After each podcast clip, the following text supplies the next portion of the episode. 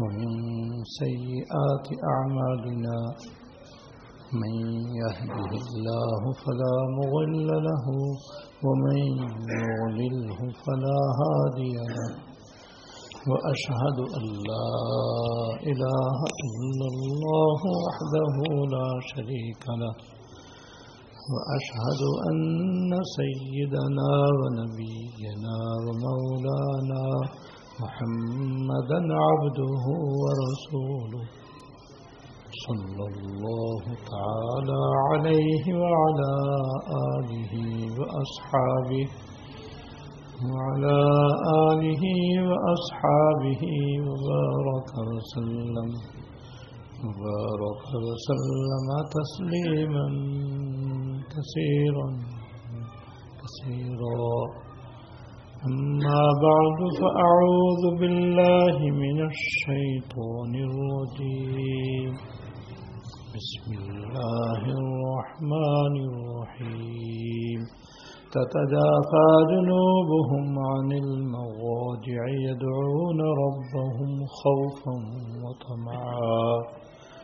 ومما رزقناهم ينفقون. فلا تعلم نفس ما أخفي لهم من قرة أعين جزاء بما كانوا جزاء بما كانوا يعملون. صدق الله العظيم. میرے قابل احترام بزرگوں، آج کل اللہ جل شاہ نے ہمارے آپ کے لیے تہجد کی نماز پڑھنے کو بہت ہی آسان فرمایا ہوا ہے۔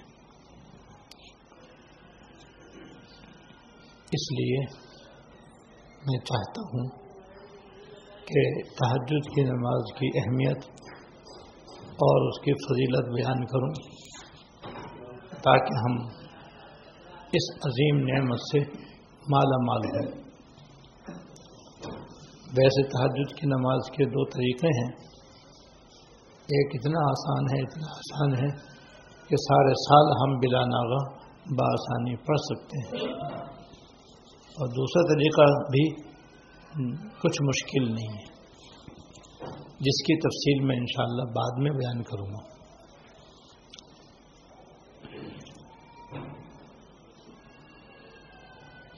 تحجد کی فضیلت بیان کرنے سے پہلے سونے کے کچھ آداب انشاءاللہ بیان کروں گا، کیونکہ ان کا ہی بڑا اجر ہے اور ان کی بڑی فضیلت ہے۔ اب سونا ایک ایسا عمل ہے کہ ہم سب اس کے محتاج ہیں۔ بچپن سے جس طرح ہم دن کو جاگتے ہیں، ایسے رات کے سوتے ہیں لیکن ایک جاگنا اپنی مرضی کا ہے، ایک جاگنا سنت کے مطابق ہے۔ دونوں میں زمین و آسمان کا فرق ہے۔ اپنی مرضی سے جاگنے کوئی اجر نہیں ہے۔ سنت کے مطابق جاگنا سراپا عبادت۔ ایسی رات کو سونا، یہ ہماری ضرورت ہے۔ بچپن سے سوتے ہی آ گئے۔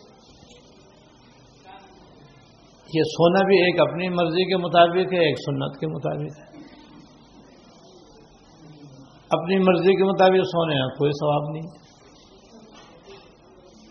اس کا کوئی اجر نہیں ہے، وہ کوئی عبادت نہیں ہے۔ سنت کے مطابق اگر سوئیں اور ان آداب کو ادا کرتے ہوئے سوئیں جو احادیث طیبہ کے اندر بیان ہوئے ہیں تو ابھی آپ کو اندازہ ہوگا کہ یہ سونا بھی کتنی بڑی عبادت ہے۔ سونا واقعی پہ سونا ہے۔ چاندی بھی نہیں ہے اور مٹی بھی نہیں ہے۔ پھر یہ سونا انتہائی کھڑا اور انتہائی قیمتی ہے۔ اور نہ صرف یہ قیمتی ہے، بلکہ سنت کے مطابق سونے میں نیند کا ہی مزہ ہے۔ اس لیے پہلے میں کچھ سونے کے آداب بیان کروں گا، اس کے بعد پھر تحجد کے فضائل انشاءاللہ تھوڑے سے عرض کروں گا۔ سونے کے آداب میں سے ایک ادب یہ ہے کہ سونے والا باتہارت سوئے۔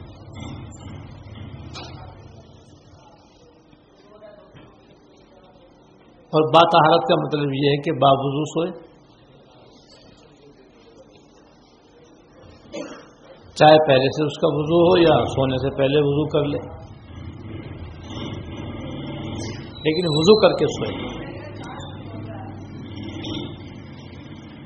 اور اگر وضو کرنا مشکل ہو، جیسے سردیوں میں بعض مرتبہ بعض علاقوں میں وضو کرنا مشکل ہوتا ہے۔ جیسے ان علاقوں میں جہاں سخت سردی پڑتی ہے اور بعض وہاں گرم پانی بھی نہیں ہوتا تو ٹھنڈے پانی سے آدمی کے لیے وضو کرنا مشکل ہوتا ہے۔ تو تیمم کر کے سو جائے۔ تیمم کر کے سونا بھی باتہارت سونا ہے۔ اور ایسے موقع پر جس طرح وضو کرنا سنت سے ثابت ہے۔ تیمم کرنا بھی ثابت ہے اس تیمم سے ہم نماز نہیں پڑھ سکتے قرآن شریف کے ہاتھ نہیں لگا سکتے لیکن سو سکتے ہیں اور یہ سونا ایسا ہی ہوگا جیسے وضو کر کے سونا اب تیمم کرنا تو اتنا آسان ہے کہ وہ تو کسی کے لیے بھی مشکل نہیں ہے چاہے برف باری ہو رہی بلکہ دن میں بھی اگر کوئی باوضو رہنا اس کے لیے مشکل ہے، وہ بات یموم ہی ہے جب وضو ٹوٹے تیمم کر لیا کرے جب وضو ٹوٹے تیمم کر لیا کرے تیمم کرنا سنت ہے اور تیمم کی صورت میں بھی آدمی باتہارت ہے، پاک ہے وہ۔ اور باتہارت سونے کی فضیلت یہ ہے کہ جب کوئی شخص تہارت کے ساتھ سوتا ہے، تو اس کے سونے کے کپڑوں کے ساتھ ایک فیشتہ بھی لیٹا رہتا ہے۔ کیونکہ آدمی عام طور پر اپنے روز دن کے کپڑے تو اتار دیتا ہے، رات کے کپڑے الگ ہوتے ہیں، وہ پہن کر سوتا ہے آدمی۔ ان کپڑوں کے ساتھ ایک فیشتہ بھی اس کے ساتھ رہتا ہے ساری رات۔ اور جب وہ رات میں کوئی کروٹ لیتا ہے، تو فیصلہ دعا کرتا ہے کہ اللہ اس کی بخشش فرما دی یہ باتہارت سویا ہے۔ دیکھو۔ تو رات میں نہ جانے آدمی کتنی کروٹیں بدلتا ہے۔ ہر کروٹ پر فرشتے کی دعائیں مغفرت اس کو ملتی ہے، اس طرح ساری رات وہ فرشتے کی دعاؤں میں سوتا ہے۔ اب دیکھو باوجود سونا تو کوئی مشکل کام نہیں ہے۔ اور بات ایوم سونا تو کچھ مشکل ہے ہی نہیں۔ لیکن فائدہ کتنا بڑا ہے کہ ساری رات فرشتے کی دعا ہمیں مل سکتی ہے۔ اب بے وضو سونے میں اور باوضو سونے میں کتنا بڑا فرق ہو گیا۔ اب تک ہم ایسے سو رہے تھے تو ہمیں فرشتے کی ہم دعا فرشتے کی دعا سے معروم تھے۔ اگر آج سے ہم تیمم کر کے یا وضو کر کے سوئیں گے تو سائے رات انشاءاللہ ہر کروٹ پہ فرشتے کی دعائیں مفرت مل جائے گی۔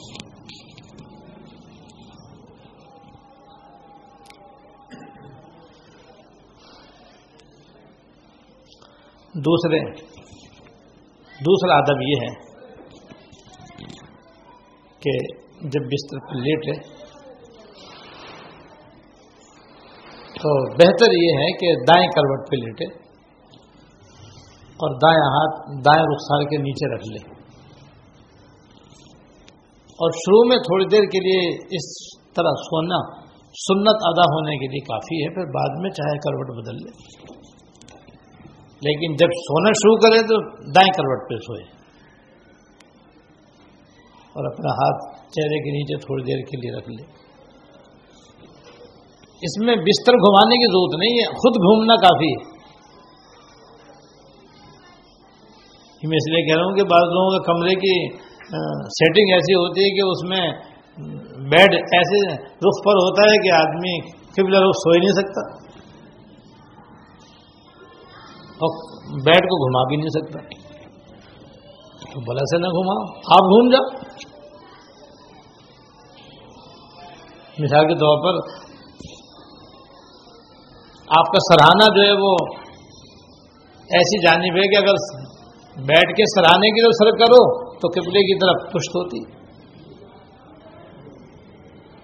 تو آپ اپنا سرہانا بدل لو۔ بیٹھ کے سراہنے کی طرف پیر کر لو اور بیٹھ کے پائنتی کی طرف اپنا سر رکھ لو۔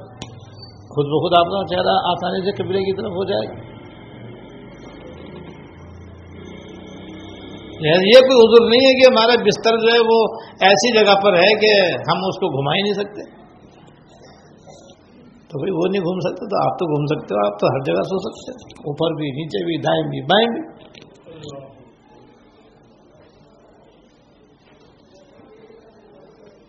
لیکن سنت کے مطابق سونا، سراسر عبادت۔ اور سونے سے پہلے آیت الکرسی اور چاروں کل ایک مرتبہ پڑھ کے دونوں ہاتھوں کو دم کر کے آپ دائیں بائیں آگے پیچھے پھیر لیں۔ یہ عمل تین دفعہ کر لیں، یہ سنت ہے۔ اس کی برکت سے آپ ساری رات ہر قسم کی ایزا دینے والی چیزوں سے محفوظ رہیں گے۔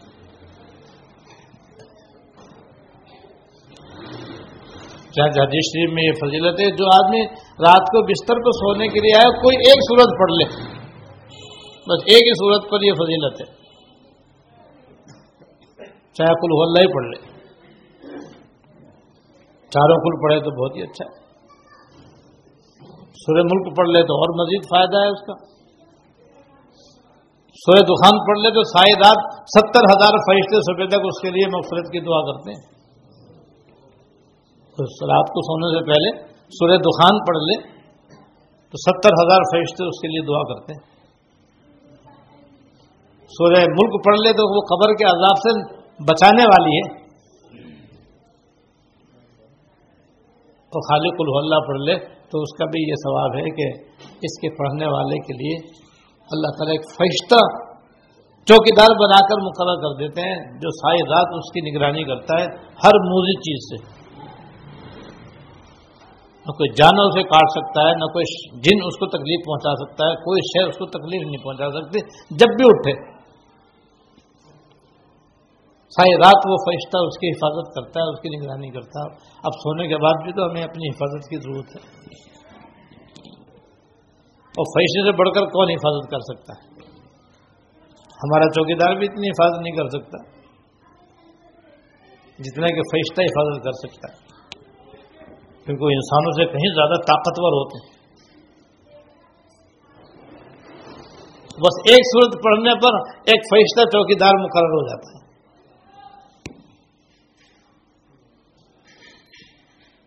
اب دیکھو سورت پڑھ کے سونا کتنا بڑا فائدہ ہو گیا۔ بغیر کچھ پڑھے سو تو کوئی فیصلہ چوکیداری نہیں کرے گا ہماری۔ ایک صورت بھی پڑھ لو تو ایک فیصلہ باقاعدہ پہرا دینے کے لیے مقرر ہو جائے گا۔ ساری رات حفاظت رہے گی انشاءاللہ اور ایک روایت میں ہے کہ جو آدمی باتحالت بستر پر سونے کے لیے آئے اور پھر اللہ کا ذکر کرے اور ذکر کرتے کرتے اس کو اونگ آنے لگے، پھر وہ ذکر کر کے ذکر چھوڑ کر کے سو جائے۔ تو رات کو جب بھی اس کی آنکھ کھلے، اس وقت جو بھی دعا مانگے گا قبول ہو جائے گی۔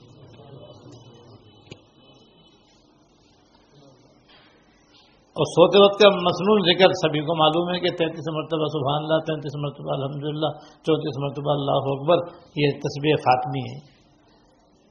یہ سرکار دو عالم صلی اللہ علیہ وسلم نے حد بھی فاطمہ رضی اللہ تعالیٰ عنہ، حضرت علی رضی اللہ تعالیٰ عنہ کو یہ سونے سے پہلے یہ تصویرات پڑھنے کی تلقین فرمائی تھی۔ جس کا بے حد اجر و سوال بے حد حضر و ثواب علی فرماتے ہیں کہ جب سے مجھے حضور نے بتایا میں نے عمر بھر اس کا معمول رکھا۔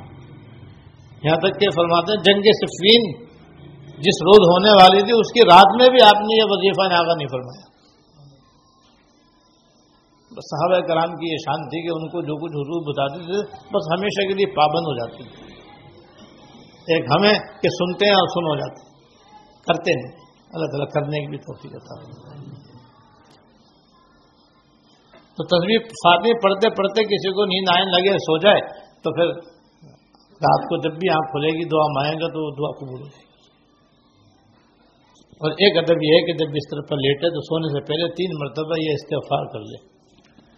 استغفر اللہ ربی من کل ذنب واتوب الیہ۔ استغفر اللہ ربی من کل ذنب واتوب الیہ۔ اب یہ استغفار ایسا ہے کہ عام طور پر ہر مسلمان کو یاد ہوتا ہے، ورنہ یاد کرنا بھی کوئی مشکل نہیں ہے۔ استغفر اللہ ربی، من کل بس سونے سے پہلے تین دفعہ پڑھنا ہے۔ اس کی فضیلت یہ ہے کہ اس کے پڑھنے والے کے اللہ تعالی جتنے بھی گناہ ہوں گے سب معاف فرما دیں گے۔ جتنے بھی گناہ ہوں گے سب معاف فرما دیں گے، چاہے سمندر کے جھاگ کے برابر ہو یا مقام عالج کی ریت کے ذرات کے برابر ہو وہاں ریت ہی ریت ہے۔ ایک وادی ہے جہاں ریت ہی ریت ہے بس۔ تو تھوڑی سی ریت کے بھی تو ذرات بے شمار ہوتے ہیں۔ وہ تو بہت پوری وادی ہے۔ جو ریت سے بھری ہوئی ہے، اس کے ذرات کتنے ان گنت اور بے شمار ہوں گے۔ اور درختوں کے پتوں کے برابر بھی اگر گناہ ہوں گے تو معاف فرما دیں گے۔ دنیا میں جتنے رات دن ہو چکے ہیں، جو آ رہے ہیں، جو قیامت تک آئیں گے، ان کی تعداد کے برابر بھی اگر گناہ ہوں گے، اللہ تعالیٰ معاف فرما دیں گے۔ تو تین دفعہ استغفر اللہ ربی من کل ذمے ماتو لے گی کتنی بڑی فضیلت ہے۔ اور جب گناہ کبیرہ معاف، گناہ سغیرہ معاف ہو جائیں گے تو انشاءاللہ پھر گناہ کبیرہ ہی معاف ہو جائیں گے، ورنہ توبہ کرنے میں گناہ کبیرہ ہی معاف ہو جائے آپ اسی میں نیت کر سکتے ہیں۔ کیونکہ استغفر استغفر اللہ میں تو استفار آ گیا اتوب علیہ میں توبہ آ گئی اب یہ نیت کرنے کی اللہ میں اپنے سغیرہ بھی اور کبیرہ بھی سب گناہوں کی آپ سے توبہ کرتا ہوں اور آپ سے معافی مانگتا ہوں یہ نیت کر کے استغفر اللہ ربی ذمہ ماتوب توجہ دھیان سے تین دفعہ پڑھ لیں تو آپ کے سغیرہ کبیرہ سارے گناہ معاف ہو جائیں گے اور ایک ادب یہ ہے کہ تحجد کی نیت کر کے سوئیں میں یا اللہ تحجد اٹھ کے پڑھوں گا انشاءاللہ یہ نیت کریں کہ میں اٹھوں گا اور تحجد پڑھوں گا انشاءاللہ اور حدیث میں یہ بھی آیا کہ جان نماز سراہنے رکھ کر سوئے، تو بالکل سراہنے رکھ لے یا قریب میں میز وغیرہ پہ رکھ لے۔ بس یہ رکھ لے کہ میں جان نماز رکھ رہا ہوں تاکہ جب میں اٹھوں تو اس پر تحجد کی نماز بھی پڑھوں۔ اس کی بھی بڑی فضیلت۔ فضیلت یہ ہے کہ جو کوئی آدمی تحجد کی نیت پڑھ کے سوتا ہے، نیت کر کے سوتا ہے، پھر اگر اس کی آنکھ نہ کھلی اور نیند زیادہ آ گئی اور تحجد کا گزرنے کے بعد اس کی آنکھ کھلی، تو اس کے نام اعمال میں تحجد کا سواب لکھ دیا جائے گا۔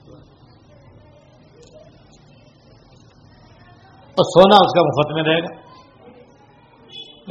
سوتا بھی رہا اور تحجد سواب بھی اس نام اعمال میں درج ہو گیا۔ اب نیت تحجد کی نیت کر کے سونے، نہ سونے میں کتنا بڑا فرق ہو گیا۔ اس میں تو نہ ہلدی لگی، نہ پھٹکری۔ کچھ بھی تو خرچ نہیں ہے اس میں۔ بذرا سے نیت کرنے کی بات ہے۔ نیت کر لو تو تحجد کا بھی ثواب، نہ کرو تو کچھ نہیں۔ بہت خالی سونے سونا ہے جس میں سوائے محرومی اور کیا ہے؟ لیکن ان آداب کے ساتھ اگر سوئے آدمی تو جو کتنا اس کا سونا بھی قیمتی بن جائے۔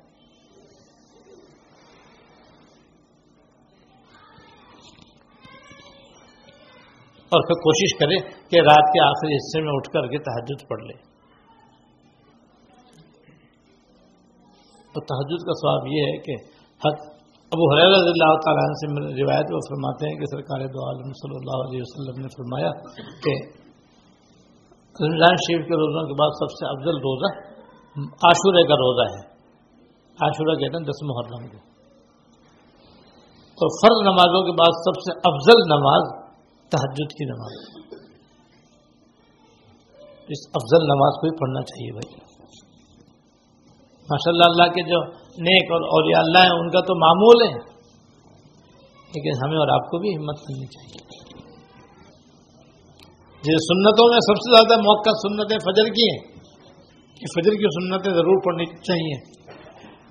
پر نمازیں اور فجر کی سنتوں میں تین سنتیں جس پہ عمل کرنا چاہیے۔ اس پہ بہت کم لوگ عمل کرتے ہیں۔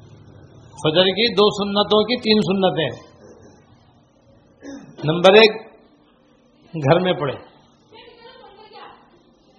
مسجد میں بھی آگے پڑھنا جائز ہے، مگر سنت گھر میں پڑھنا ہے۔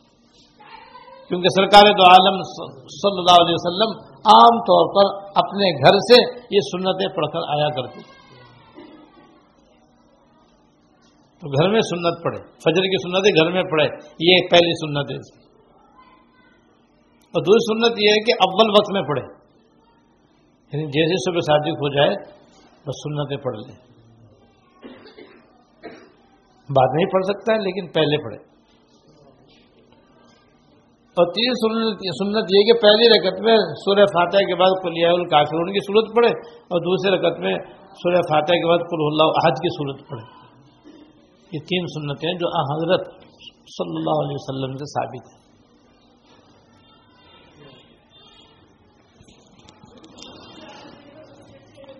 بہرحال تحجد کی نماز نوافل میں سب سے افضل ہے یہ۔ اس لیے اس کا اہتمام کرنا چاہیے۔ اور دوسری بیان میں بہت بڑی فضیلت اس کی بیان ہوئی۔ جو اسما بنتی عزیز رضی اللہ تعالی عنہ سے مروی و فرماتی ہیں کہ سرکار دو عالم صلی اللہ علیہ وسلم نے فرمایا کہ جب قیامت کے دن تمام اولین و آخرین جمع ہو جائیں گے، تو اللہ تعالیٰ کی طرف سے ایک اعلان کرنے والا اعلان کرے گا کہ وہ لوگ کہاں ہیں جن کے پہلو بستروں سے الگ رہتے تھے۔ یعنی تحجد پڑھا کرتا کیونکہ جب آدمی تحجد پڑھتا ہے تو بستر چھوڑ دیتا ہے۔ اور جو نہیں پڑھتا وہ بستر پہ سویا ہوا ہوتا ہے عام طور پر۔ تو وہ یہ اعلان ہو کہ تحجد پڑھنے والے کہیں کھڑے ہو جائیں۔ تو تھوڑے سے آدمی کھڑے ہوں گے۔ یعنی اس عظیم اجتماع کے اعتبار سے وہ تھوڑے سے ہوں گے، ورنہ بذات خود اچھا خاصے ہوں گے وہ۔ اور ویسے بھی ہر دور میں تحجد پڑھنے والے کم ہی ہوتے ہیں۔ نہ پڑھنے والے زیادہ ہیں، پڑھنے والے کم ہیں۔ بس اللہ تعالیٰ ہمیں پڑھنے والوں میں شامل کرنا دیں نہ پڑھنا تو بہت بڑی معرومی کی بات ہے بھائی۔ پڑھنا بڑے نفے کا سودا ہے۔ نہایت آسان اور ثواب بہت بڑا۔ اب اسی میں آپ دیکھو فضیلت ابھی آپ کے سامنے آ رہی ہے انشاءاللہ۔ کہ جب یہ تھوڑے سے آدمی کھڑے ہوں گے تو اللہ تعالیٰ کی طرف سے یہ اعلان ہوگا ان کے بارے میں کہ تم تو سیدھے بغیر حساب کے جنت میں چلے جاؤ۔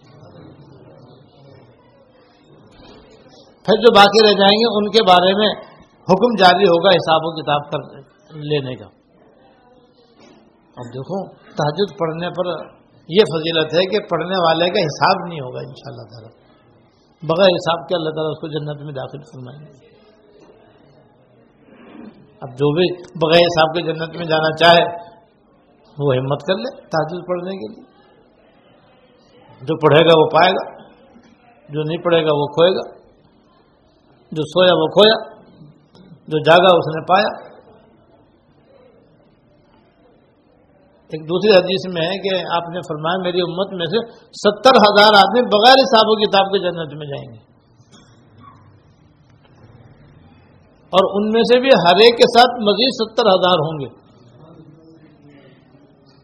اتنی بڑی فضیلت۔ ہے تو صحابہ کرام نے یہ سن کر حضور سے عرض کیا، حضور ان کی علامت کیا ہے، نشانی کیا ہے؟ تاکہ ہم بھی وہ علامت و نشانی اختیار کر لیں۔ اس حدیث میں آپ نے تین نشانیاں ان کی بیان فرمائی ایک یہ کہ وہ ناجائز تعبیر گنڈا نہیں کرتے۔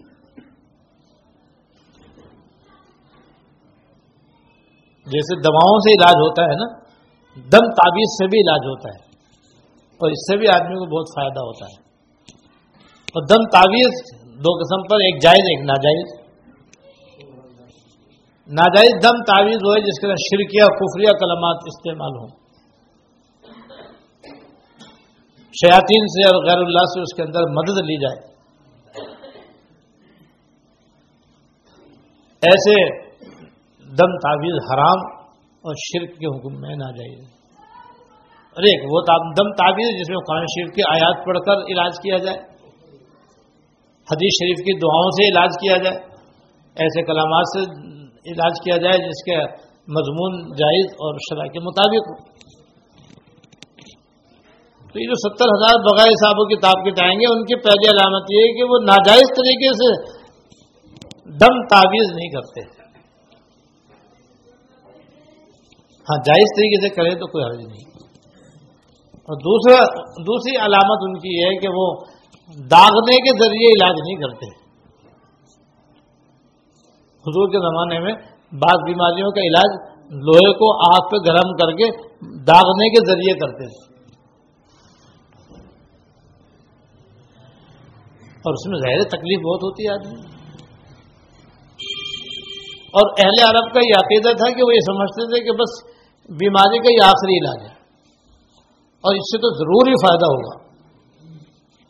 حالانکہ کوئی سا بھی علاج ہو شفا تو اللہ کے ہاتھ میں۔ کوئی علاج بھی آخری علاج نہیں ہے۔ تو یہ جو ستر ہزار بغیر حساب کتاب کی جنت میں جانے والے ہیں وہ ایسے سمجھ کر کے بھی داغ کے ذریعے، داغنے کے ذریعے علاج نہیں کرتے۔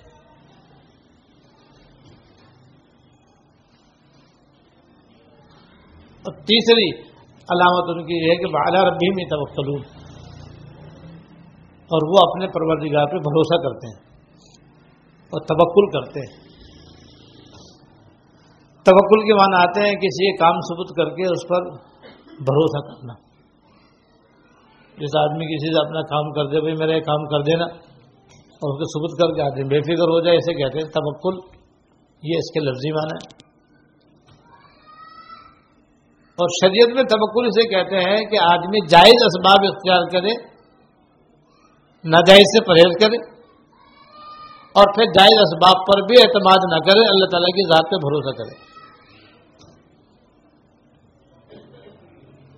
جسے بیمار ہو جائے تو علاج معالجہ کرنے کا حکم ہے۔ سنت۔ تو ناجائز علاج معالجہ تو نہ کرے۔ جائز علاج معالجہ کرے اور علاج کے اندر بھی دوا پر بھروسہ نہیں کرے۔ بھروسہ اللہ تعالیٰ کی ذات پہ کرے کہ اللہ پاک کو منظور ہوگا تو اس دوا سے فائدہ ہوگا، نہیں منظور ہوگا تو فائدہ نہیں ہوگا۔ دوا میں بھروسہ نہ کرے، اللہ تعالیٰ کی ذات بھروسہ کرے۔ اسے کہتے ہیں تبکل اور یہ ضروری ہے۔ ہر مسلمان پر ضروری ہے کہ وہ اللہ تعالیٰ پر توکل کرے، اللہ تعالیٰ پر بھروسہ کرے۔ تمام امور کے اندر اللہ تعالیٰ پر بھروسہ کرے۔ تو جس میں یہ تین نشانیاں پائی جائیں گی، وہ ان وہ خوش نصیب ہوگا جو ستر ہزار بغیر صاحب کتاب کے جنت میں جانے والوں کے اندر شامل ہوگا۔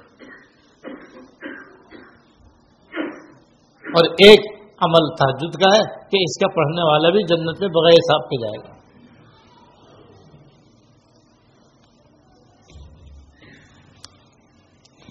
اور دوسرے حدیث میں یہ ہے کہ جس میں حضور نے رحم کی دعا فرمائی ہے۔ رحم فر، اللہ تعالیٰ کے رحم فرمانے کی دعا فرمائی ہے حضور نے۔ کہ اگر رات کو شوہر تحجد کے لیے اٹھے اور پھر وہ اپنی بیوی کو بھی جگائے لیکن وہ نہ نہ جاگے، تو اس کے چہرے پر پانی کا چھینٹا مار دے تاکہ وہ بھی اٹھ جائے، پھر وہ بھی خوشی خوشی اٹھ کر کے اس کے ساتھ نماز پڑھ لے۔ تو اللہ تعالیٰ اس مرد پر رحم فرمائے۔ یا بیوی کے بارے میں فرمایا کہ وہ تحجد کے لیے اٹھے اور پھر تحجد پڑھنے کے لیے اپنے شوہر کو بھی اٹھائے، وہ نہ اٹھے تو اس کے چہرے پر پانی یا چھینٹا مارے تاکہ وہ بھی اٹھ جائے، پھر وہ بھی اٹھ کر خوشی خوشی تحجد کی نماز پڑھے۔ تو اللہ تعالیٰ ایسی عورت پر بھی رحم فرمائے۔ اب اللہ تعالیٰ کسی پر رحم فرماتے تو اس کے تو دنیا اور آخرت سفر جائے۔ بیڑے ہی پا رہے اس کا تو۔ تو یہ اللہ پاک کی طرف سے حضور نے جو دعا مانگی ہے رحم فرمانے کی، تحجد کی دو رغت پڑھنے پہ مل سکتی۔ اور اس میں یہ بھی اس طرف بھی اس میں تعلیم ہے کہ میاں بیوی میں ایسی محبت ہونی چاہیے کہ وہ ایک دوسرے کے دین کے اندر مددگار ہوں۔ یہ میاں بیوی کے تعلق سے دنیا تک نہیں ہے، یہ تو بھائی جنت تک۔ ہے دین کاموں میں بھی دونوں ایک دوسرے کے معین مددگار ہونے چاہیے۔ جیسے دنیا کے کاموں میں وہ دونوں ایک دوسرے کے مددگار ہیں۔ ایسے دین کے کاموں کے اندر بھی آفت کی تیاری میں بھی تحجد پڑھنے میں بھی ایک دوسرے کے مہینہ مددگار ہوں کہ دونوں میں سے ایک بھی کسی کو اٹھائے تو دوسرے کو ناراضگی نہ ہو۔ خفا نہ ہو، ناراض نہ ہو۔ مطلب خوش ہو کہ ہاں بھائی، تم نے مجھے بھی اٹھا لیا اور مجھے بھی اس نعمت سے مالا مال ہونے کا موقع دے دیا۔ نہ یہ کہ خفا ہو، نہ یہ کہ ناراض ہو۔ ایک حدیث میں یہ ہے کہ اگر میاں بیوی رات کو اٹھیں اور دو دو رکعت نفل پڑھ لیں، تو اللہ تعالیٰ وزا کے اللہ کثیرم وزا کے رات میں ان کو داخل فرما دیتے اللہ پاک نے پورا رگو مردوں اور عورتوں کے بارے میں حاضر فرمایا اور ان کے بہت سارے اوساف ذکر فرمائے۔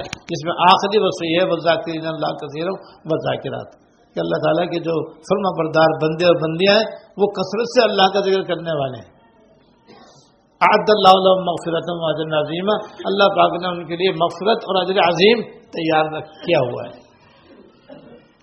دو رکعت تحجد کی نفل پڑھنے سے ذاکرین اور ذاکرات میں داخل ہو جاتا ہے آدمی۔ عورت پڑھے گی تو وہ ذاکرات میں داخل ہو جائے گی، مرد پڑھے گا تو ذاکرین میں داخل ہو جائے گا۔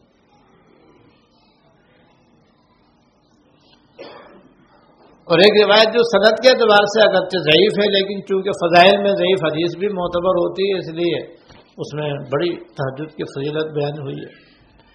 یہ روایت معاذ بن جبل رضی اللہ تعالیٰ عنہ سے مروی ہے۔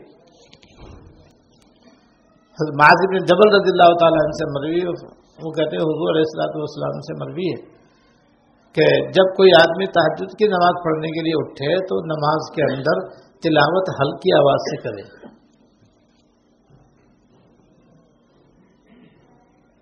یعنی نہ تو بہت زور سے چلا چلا کے تلاوت کرے۔ نہ بالکل ہی چپکے چپکے اور منہ منہ میں تلاوت کرے۔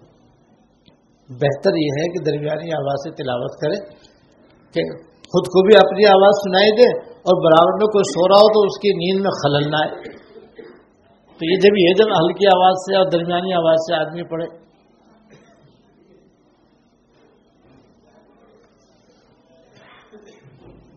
تو جب کوئی اس طرح قرآن شریف کی تلاوت کرتا ہے تحجد کی نماز میں تو جو فرشتے اس کے قریب ہوتے ہیں، وہ آواز سن کر کے آ جاتے ہیں اور آ کر کے وہ بھی اس کی نماز میں شامل ہو جاتے ہیں اور اس کی تلاوت سننے لگتے ہیں۔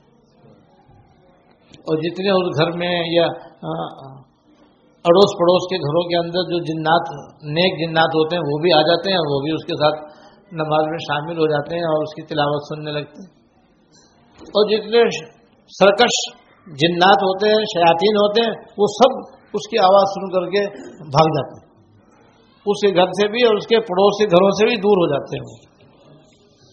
وہ تحجد پڑھنے کی وجہ سے، تلاوت کرنے کی وجہ سے یہ فضیلت ہو رہا، حاصل ہو رہی۔ ہے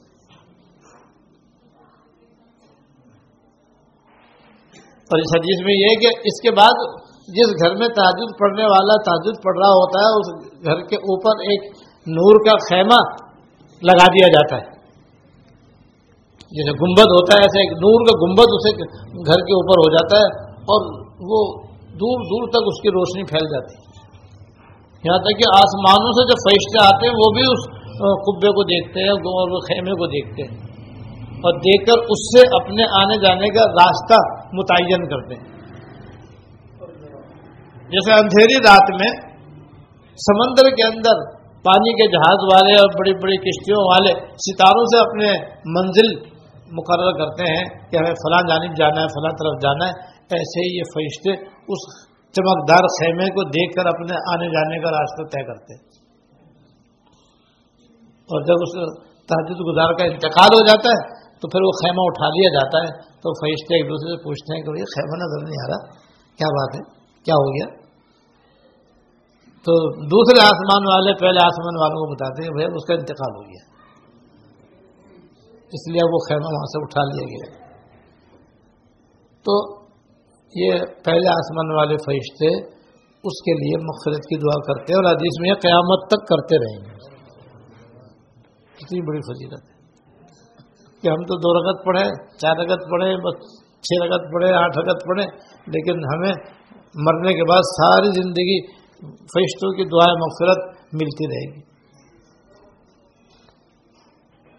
اور جس رات وہ تاجد کی نماز پڑھتا ہے، وہ رات آنے والی رات کو وصیت کرتی ہے کہ دیکھو، کل تم آنا تو اس کو جگہ دینا تاجد کے لیے۔ یہ تاجد گزار ہے یہ۔ اس کو اٹھا دینا اور اس کے اوپر بہت ہی خوشگوار ہو کر گزرنا کسی کسی قسم کی کوئی رات میں بے چینی اور تکلیف نہ ہو۔ اس لیے وہ سکون سے رات کو سوتا ہے، سکون سے اٹھتا ہے۔ اور جب اس کا انتقال ہو جاتا ہے، لوگوں سے غسل دیتے ہیں، کفن دیتے ہیں، تو اسی دوران فرنشی ایک حسین و جمیل صورت میں صورت اختیار کر کے اس کے سینے کے پاس آ جاتا ہے۔ اور جب لوگ اسے دفن کرتے ہیں قبر کے اندر، اور دفن کرنے کے بعد منکر نکیر آتے ہیں اور اس کو بٹھاتے ہیں تو اس سے قرآن شریف سے کہتے ہیں، بھائی تم ایک طرف ہٹو ہم اس سے سوال جواب کرنے ہمیں تو قرشیو کہتا ہے، رب کعبہ قسم، میں تو کبھی اس سے الگ ہوں گا نہیں۔ یہ تو مجھ سے محبت کرتا تھا، میری تلاوت کرتا تھا۔ میں جب تک اس کو جنت میں داخل نہیں کروں گا، میں اس سے الگ نہیں ہوں گا۔ اگر تمہیں سوال جواب کرنا ہے تو اسی حالت میں کر لو۔ اور پھر قرآن شریف خود اس میت سے بات کرتا ہے کہ دیکھ بھائی، میں وہی ہوں، جس کی تو قرآن شریف، جس کی تو دنیا میں تلاوت کیا کرتا تھا تحجد کی نماز میں پڑھا کرتا تھا، مجھ سے محبت کرتا تھا، میں بھی تجھ سے محبت کرتا ہوں، دیکھ اللہ پاک بھی تجھ سے محبت کرتے ہیں اور اب تو بالکل بے فکر ہے، یہ ان کے سوالوں کا جواب دے دے، بس پھر تم آرام سے رہی ہو یہاں پر۔ تجھے کسی قسم کے گھبرانے کی کوئی بات نہیں۔ چنانچہ وہ سوال جواب کر کے چلے جاتے ہیں اور پھر قرآن شریف اس سے کہتا ہے کہ بھائی میں اللہ پاک کے پاس جا رہا ہوں، اب تیرے لیے آرام و راحت کا سامان لاتا ہوں۔ پھر وہ جاتا ہے اور جا کر کے عرض کرتا ہے، یا اللہ میں فلاں بندے کے پاس سے آیا ہوں جو رات کو آپ کی تلاوت، آپ کے کلام پاک کی تلاوت کرتا، دن کو اس کے مطابق زندگی گزارتا تھا یعنی عمل کرتا تھا۔ یا اللہ اس کے کچھ آرام و راحت کا سامان دے دیجیے تو من جانب اللہ حکم ہو جاتا ہے کہ دے دیا جائے، تو وہ لے کر کے آتا ہے اور چھٹے آسمان کے فرشتے بھی اس کے ساتھ آتے اور آ کر کے اس کی قبر میں پہنچاتے ہیں اور پھر وہ پرنشیو میئر سے کہتا ہے تو ایک طرف ہٹ جا، یہ آپ سامان تیرے لیے یہاں پہ بچھائیں گے تاکہ تو اس پر آرام کرے۔ چنانچہ اس حدیث میں کہ چار سو سال کی مسافت تک اسی قبر کو کشادہ کر دیا جاتا ہے۔ اور جنت سے جو قالین لائے تھے، موٹے ریشم کا لے کر کے آتے ہیں، جو مشک سے بھرا ہوا ہوتا ہے۔ وہ سب اسے قبر میں بچھا دیتے اور باریک ریشم کے استر والے گاؤ تکیے اور تکیے، وہ اسے قبر میں چاروں طرف لگا دیتے ہیں اور دو چراغ اسے قبر میں روشن کر دیتے ہیں۔ ایک سر کی طرف، ایک پیروں کی طرف۔ وہ قیامت تک بھجیں گے نہیں وہ۔ قبر اس کی بالکل منور رہے گی، روشن ہو جائے گی اس کی وجہ سے۔ اور اس سے کہتے ہیں، میں اب تو ریڑھ جا اور بس آرام کر. اور جنت سے دو چمیلی کے پھول لاتے ہیں، وہ اس کے ناک کے پاس رکھ دیتے ہیں کہ بھائی سونگتا رہے، سوتا رہے۔ اب یہ خوشبو قیامت تک ختم نہیں ہوگی بس۔ نہیں سوکھیں گے، نہ گلیں گے، نہ سڑیں گے، بس یہ خوشبو سونگتا رہے، تو آرام کر۔ اور وہ قرآن شریف اس کے گھر والوں کی بھی خبر گیری کرتا ہے۔ یعنی ان کے گھر جاتا ہے، ان کے گھر والوں کو دیکھتا ہے۔ اگر وہ قرآن شریف پڑھنے والے ہوتے ہیں، دوسرے نئے کام کرنے والے ہوتے ہیں، تو آ کر بتاتا کہ گھبرا مت بھائی ماشاء اللہ تیرے گھر والے بھی لائن پہ چل رہے ہیں۔ وہ بھی ماشاء اللہ قرآن شریف پڑھتے ہیں، تو بے فکر سے ان کی طرف سے کوئی غم مت کر۔ اور خدا نہ خواستہ خدا نہ خواستہ اگر وہ اللہ تعالیٰ کی نافرمانی میں مبتلا ہوتے ہیں، تو پھر یہ کہتا ہے، بھائی، وہ صحیح نہیں چل رہے اور پھر دعا کرتا ہے کہ اللہ ان کو بھی ہدایت دے دیں ہدایت تو آپ کے ہاتھ میں ان کو ہدایت دے دیں تاکہ وہ بھی نئے کام کریں۔ یہ ہے بھائی تعجد پڑھنے کی فضیلت۔ اب اس سے بڑھ کر اور کیا چاہیے بھائی؟ کہ عمل تھوڑا سا اور ثواب کتنا بڑا۔ تو تحجد پڑھنے میں تحجد پڑھنے کا بھی ثواب اور اس میں تلاوت کرنے کا بھی یہ ثواب ہے۔ اسی لیے افضل یہ ہے کہ پہلی دو رکعتیں جب آدمی تحجد کی پڑھے تو ہلکی پھلکی پڑھے۔ پھر جو پڑھے تو پھر ذرا اس میں کراط لمبی کرے رکو بھی لمبا کرے، سجدہ بھی لمبا کرے۔ تو کراط لمبی کرنا حافظوں کے لیے تو کوئی مشکل نہیں ہے۔ لیکن جو حافظ نہیں ان کے لیے بھی کچھ مشکل نہیں ہے۔ اس لیے ان کے لیے مشکل نہیں ہے کہ وہ اگر کسی سے قلو اللہ آتے تو بس وہی سو دفعہ پڑھ لے۔ چالیس دفعہ پڑھ لے، پچاس مرتبہ پڑھ لے، دہراتا رہے اسی کو۔ قلو اللہ حادی پڑھتا رہے بس۔ اور جو صورتیں ہیں وہی پڑھتا رہے، ایک دفعہ، دو دفعہ، تین دفعہ، چار دفعہ، پانچ دفعہ، بس۔ اسی میں آپ قیام لمبا ہو جائے گا۔ آگے تو پھر تصویر تصویر تصویر تصویر بجائے تین دفعہ پڑھنے کے آپ گیارہ دفعہ پڑھیں، بارہ دفعہ تیرہ دفعہ پڑھیں، سترہ مرتبہ پڑھیں، اکیس مرتبہ پڑھیں، پڑھتے چلے جائیں۔ جتنی ہمت ہے۔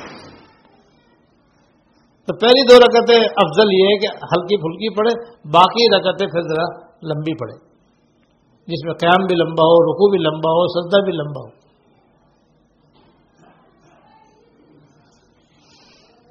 اور تحجد کی کم سے کم دو رکعتیں، درمیانہ درجہ چار رکعتیں، بہتر آٹھ رکعتیں اور بارہ بھی ثابت ہیں۔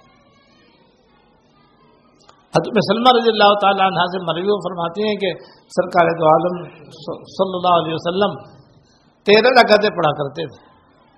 پھر جب کمزور ہو گئے اور آپ کی عمر زیادہ ہو گئی تو پھر آپ نو رکعتیں پڑھتے تھے۔ جس کی تشریح حضرت عبداللہ ابن عباس اور حضرت حضرت عبداللہ بن عباس عبداللہ عمر رضی اللہ تعالیٰ عنہما سے مروی ہے کہ تیرہ رکعت کا مطلب یہ ہے کہ آٹھ رکعت تحجد کی اور تین رکعت وطر کی، دو رکعت فجر کی سنت اور نو کا مطلب یہ ہے کہ چار رکعت تحجد کی، تین رکعت وطر کی اور دو رکعت فجر کی سنت ہے۔ اسی لیے جوانی میں آٹھ رکعتیں پڑھنی چاہیے، بڑھاپے میں کم از کم چار پڑھنی چاہیے۔ اور اس سے کم بھی جائز ہے۔ اس سے زیادہ بھی جائز ہے۔ اور تحجد کا ایک بالکل ہی آسان طریقہ ہے، جس پر آدمی ساری عمر پابندی کر سکتا ہے انشاءاللہ۔ وہ یہ کہ عشاء کی فرضوں کے بعد دو سنتیں ہوتی ہیں، دو سنتوں کے بعد بطروں سے پہلے چار میں پھر پڑھ لیا کرے یہ بھی تحجد ہے۔ تاجد کی نیت سے پڑھ لیا کرے، تاجد کی نیت یہ ہے کہ اللہ میں تاجد کی نماز پڑھتا ہوں، آپ کی رضا کے لیے۔ تو یہ تحجد کی نماز تو ایسی ہے کہ ساری عمر آدمی پڑھ سکتا ہے، کوئی اس میں رکاوٹ ہی نہیں۔ اس لیے کہ اب تو سویا ہوا تو نہیں، جاگا ہوا۔ جب عشاء کے فرض پڑھ لیے، وطر پڑھ لیے، تو درمیان میں چار اگر پڑھنا کیا مشکل ہے؟ نہایت ہی آسان ہے، سب کے لیے آسان ہے۔ اور یہ تحجد میں داخل ہے، اس لیے کہ حضور علیہ والسلام کا ارشاد ہے کہ عشاء کے فرضوں کے بعد جو بھی نماز پڑھی جائے گی، وہ تحجد میں شمار ہوگی۔ جب آپ کا ارشاد آ گیا تو اب ہمیں کیا تردد؟ اور حضرت فقائے کرام نے اس کی وجہ بیان کروائی ہے کہ وجہ یہ ہے کہ تحجد کا جو وقت ہے، وہ عشاء کے فرضوں کے بعد شروع ہو جاتا ہے۔ صبح صادق تک رہتا ہے۔ شروع کا وقت جائز وقت ہے، آخر وقت افضل وقت ہے۔ تو بھائی افضل وقت ہو یا جائز وقت ہو، دونوں صورتوں میں نماز ادا ہے۔ جیسے فجر کی نماز میں آپ دیکھیں کہ صبح صادق ہوتے ہی فجر کی نماز کا جائز وقت ہے۔ اور چاندنے میں فجر کی نماز پڑھنا یہ افضل وقت ہے۔ لہٰذا صبح صادق ہوتے ہوئے فجر کی نماز پڑھ لے تو بلا کر جائز ہاں۔ جب روشنی ہو تو پھر اسی لیے جماعت ہمارے یہاں جو ہوتی وہ سورج نکلنے سے آدھا گھنٹہ پہلے ہوتی کہ ہر طرف چاندنا پھیل جاتا ہے۔ حدیث میں آیا کیا اسفر بالفجر فین اعظم ہو لل چاندنے میں فجر کی نماز پڑھو کیونکہ اس کا ثواب زیادہ ہے۔ کیونکہ اس میں جماعت زیادہ ہوتی۔ اندھیرے میں پڑھیں گے تو نمازی کم آئیں گے۔ لیکن بھارت جائز ہے۔ تو جیسے فجر کی نماز اول وقت میں جائز ہے تحجد بھی اول وقت میں جائز ہے۔ ہاں آخر وقت میں پڑھیں گے تو افضل۔ تو افضل کے افضل کے خاطر اگر افضل میں قضا ہونے کا خطرہ ہو تو جائز وقت میں تو پڑھ ہی لینا چاہیے۔ چنانچہ حضور علیہ السلاۃ والسلام کی خدمت میں ایک مرتبہ حضرت صدیق اکبر رضی اللہ تعالیٰ عنہ تمہارے فاروق اللہ تعالیٰ عنہ تشریف فرماتے ہیں۔ تحجد کی بات کا ذکر ہو رہا تھا تو آپ نے حضرت صدیق اکبر رضی اللہ تعالیٰ سے پوچھا کہ کہ آپ تحجد کب پڑھتے کہا، حضور میں تو پڑھ کے سوتا ہوں۔ میں تو پڑھ کر سوتا ہوں۔ آپ نے حضرت عمر اللہ تعالیٰ سے پوچھا کہ آپ کب پڑھتے ہو؟ کہ حضور میں تو اٹھ کے پڑھتا ہوں۔ اب ایک پڑھ کر سو رہے ہیں، دوسرے اٹھ کر پڑھ رہے ہیں۔ تو آپ نے دونوں کی بات سن کر کے دونوں کی تصدیق فرماتے ہوئے فرمایا کہ ابو بکر تمہارا حلم اور دور اندیشی قابل قدر ہے۔ تو یہ پڑھ کے سو، کیا بتا کھلے نہ کھلے۔ اور یہ عمر، تمہارا عزم قابل قدر ہے۔ کہ بھائی عمر سوئے اور پھر تاجد کے لیے نہ اٹھے، یہ کیسے ہو سکتا ہے؟ شیطان کی ایسی تیسی ان کا تو شیطان ان کا تو ان کو تو دیکھ کے بھاگتا تھا وہ، تو انہیں کیا سلائے گا وہ آ کر کے؟ لہٰذا وہ ان کا ایسا پکا یاد بتا کہ بھائی میں سو اور پھر تاجر میں نہ اٹھوں، یہ کیسے ہو سکتا ہے؟ صدیق حضور، مجھے تو اپنا بھروسہ نہیں، کیا پتا آنکھ کھلے نہ کھلے، میں تو پڑھ کے سوتا ہوں۔ دونوں کی تصدیق ہو گئی تو بھائی ہم نے تو صدیق احمد اللہ تعالیٰ کے طریقے پہ عمل کرنا بھی بہت بڑی سعادت ہے۔ بلکہ دونوں پر ہی عمل کریں۔ کہ پڑھتے ہیں کہ پڑھنے کا تو معمول بنائے رکھے ساری عمر۔ کہ روز آنا عشاء کے وطروں سے پہلے چار رکعت نفل تاجد کی نیت سے پڑھ لیا کریں۔ اور پھر آخری شب میں بھی اٹھنے کا اہتمام کریں۔ وہ بھی آج کل کوئی مشکل نہیں ہے۔ اور وہ یہ ہے کہ رات کو جلدی سونے کا اہتمام کریں بس۔ دو تین نہ بجائیں رات کے، بارہ ایک نہ بجائیں یہ غلط طریقہ ہے۔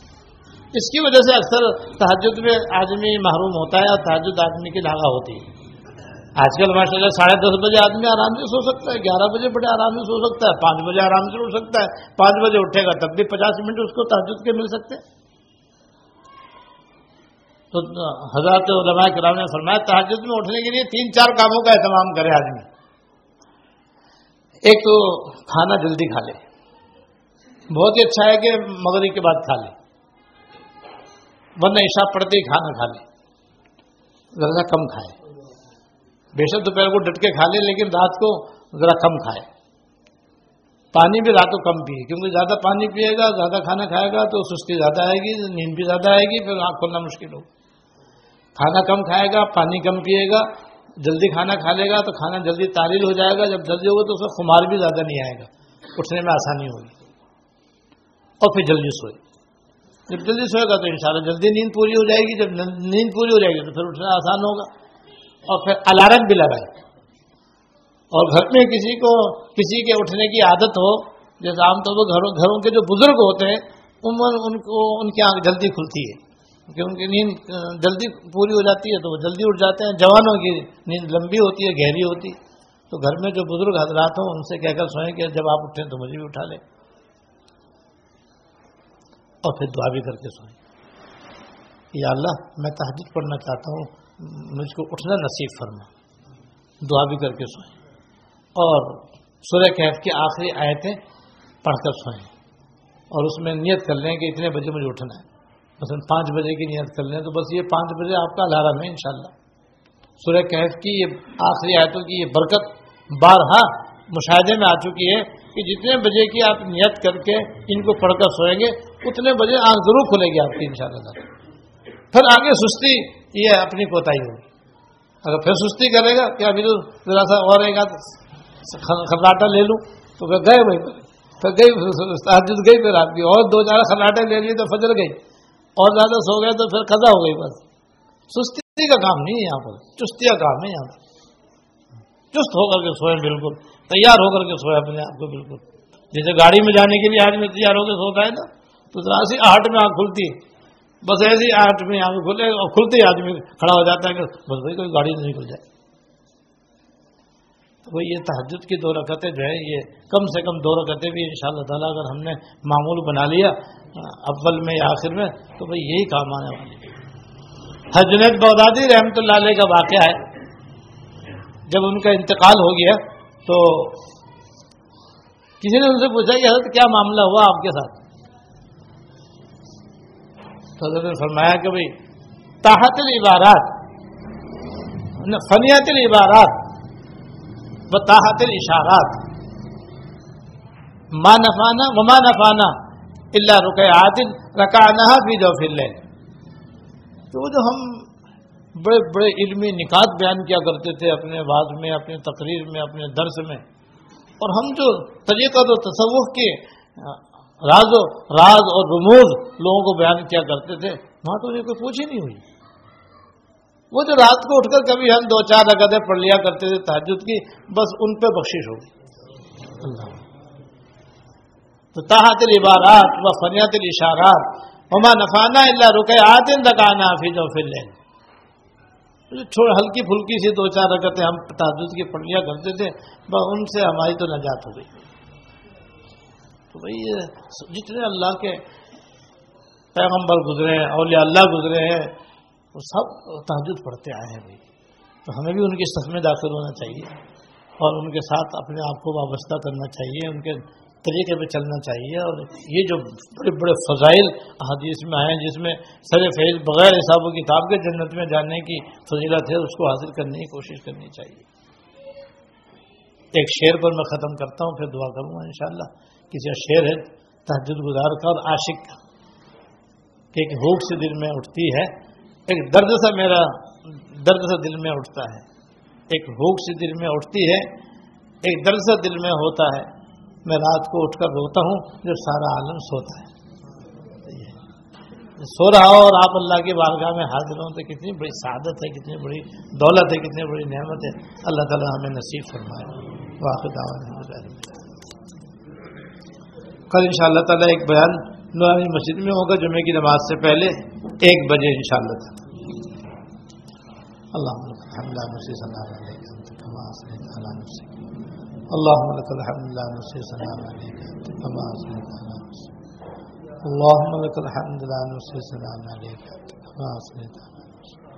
اللهم صل على سيدنا ومولانا محمد وعلى ال سيدنا ومولانا محمد وبارك ربنا ظلمنا أنفسنا وإن لم تغفر لنا وترحمنا لنكونن من الخاسرين.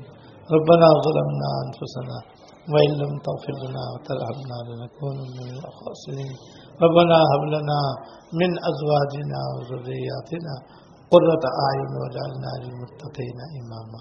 اللهم اغفر لنا وارحمنا. اللهم اغفر لنا وارحمنا وعافنا واعف عنا. اللهم وفقنا لما تحب وترضى، من القول والعمل والفعل والنية والهدي. إنك على كل شيء قدير. یا رحم الرحمین یا رب العالمین یا حی یا قیوم یا ذلجال والاکرام ہم سب کے اگلے اور پچھلے چھوٹے اور بڑے خفیہ علانیہ ہر قسم گناہوں کو معاف فرما یا اللہ، ہم سب کی، ہمارے والدین، ہمارے اہل ویال کی کامل مغفرت فرما۔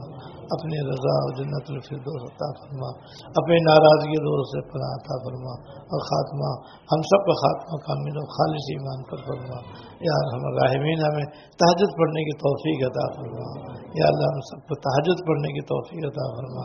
اور اس کی جتنی بھی فضائل و برکات ہیں، سب سے ہم کو مالا مال فرما۔ ان سب سے ہم کو مالا مال فرما۔ یا اللہ، سنت کے ساتھ، سنتوں کے ساتھ اور آداب کے ساتھ سونے کی توفیق عطا فرما۔ اور سنت کے مطابق اٹھنے کی توفیق عطا فرما۔ اور اٹھ کر تحجد پڑھنے کی توفیق عطا فرما۔ ہماری سب کی تمام نیک حاجتیں پوری فرما۔ ہمیں ہمارے متعلقین میں جو جو بیمار ہیں، سب کو صحت عطا فرما۔ جو پریشان حال ہیں، سب کی پریشانی کو دور فرما۔ بے روزگاروں کو روزگار عطا فرما۔ جتنے احباب و خواتین نے دعا کے واسطے کہا ہے، سب کی نیک مرادیں پوری فرما ربنا تقبل منا انك انت السميع العليم تب علينا انك انت التواب الرحيم صلى الله تعالى على النبي الكريم محمد وعلي وأصحابه اجمعين امين برحمتك